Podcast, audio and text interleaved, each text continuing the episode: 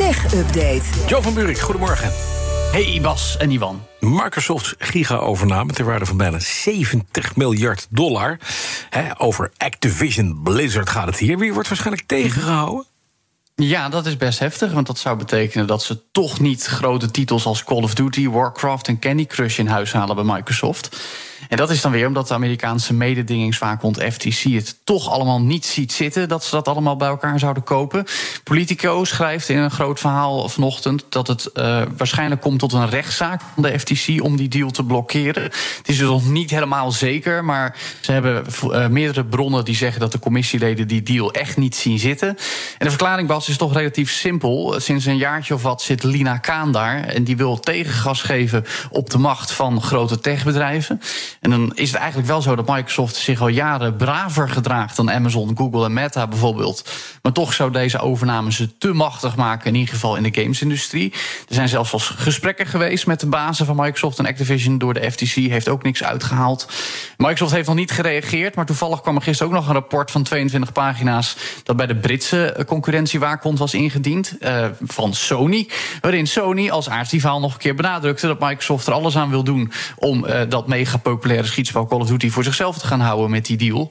En Microsoft zei daarop van het is echt heel ongeloofwaardig dat de marktleider, en ik moet zeggen dat is Sony nog steeds, zegt dat uh, Microsoft dat opeens even op die manier wil overnemen. Maar het lijkt er dus toch echt op dat die deal niet doorgaat. Tenminste, niet als het aan de FTC ligt. Dan naar de vechtpartijen bij de fabriek van eh, Foxconn in Zhengzhou. Die fabrieksmedewerkers die krijgen excuses aangeboden na de rellen van gisteren. Dat is echt op de vuisten. En ze krijgen meteen een nieuwe lockdown voor de kiezen. Ja, nou, dat, uh, vraag je de dan krijg je de twee. Hè? Ja. En uh, dat opzicht. Uh, die excuses die zijn ook wel terecht. Want inderdaad, honderden medewerkers die in opstand kwamen... gisterochtend vroeg onze tijd... en mensen die slaags raakten met bewakers... vanwege ja, de lokale lockdown, kun je zeggen... bij de fabriek van iPhones van Foxconn... waar al sinds oktober mensen moeten blijven slapen... tegen relatief lage lonen extra lang doorwerken... om maar die iPhones te produceren.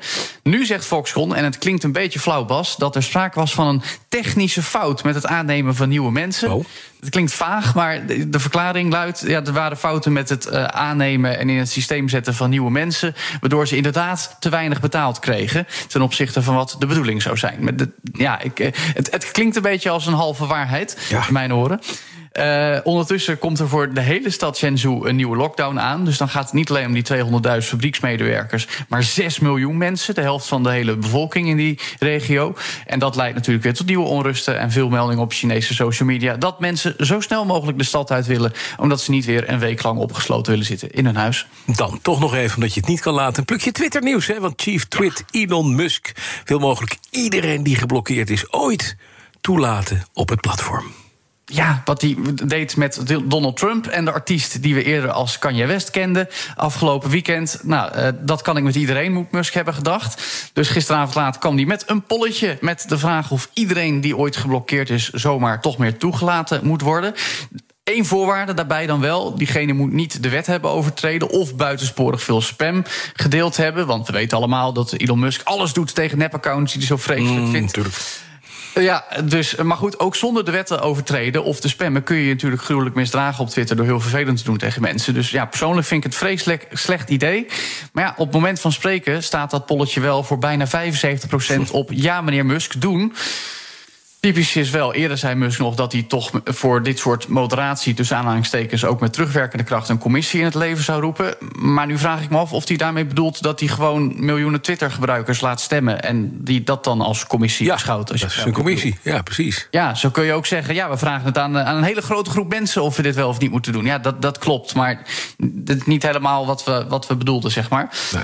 Toch lijkt het wel alsof Musk nog een greintje empathie lijkt te hebben en ergens de grens stelt. Want er zijn ook al mensen geweest, waaronder uh, een voormalig IT-icoon Kim Dotcom, die zei dat Alex Jones terug zou moeten op Twitter. Die complottheoreticus die de schietpartij op de Sandy Hook School uh, beweert in scène te gezet uh, te zijn.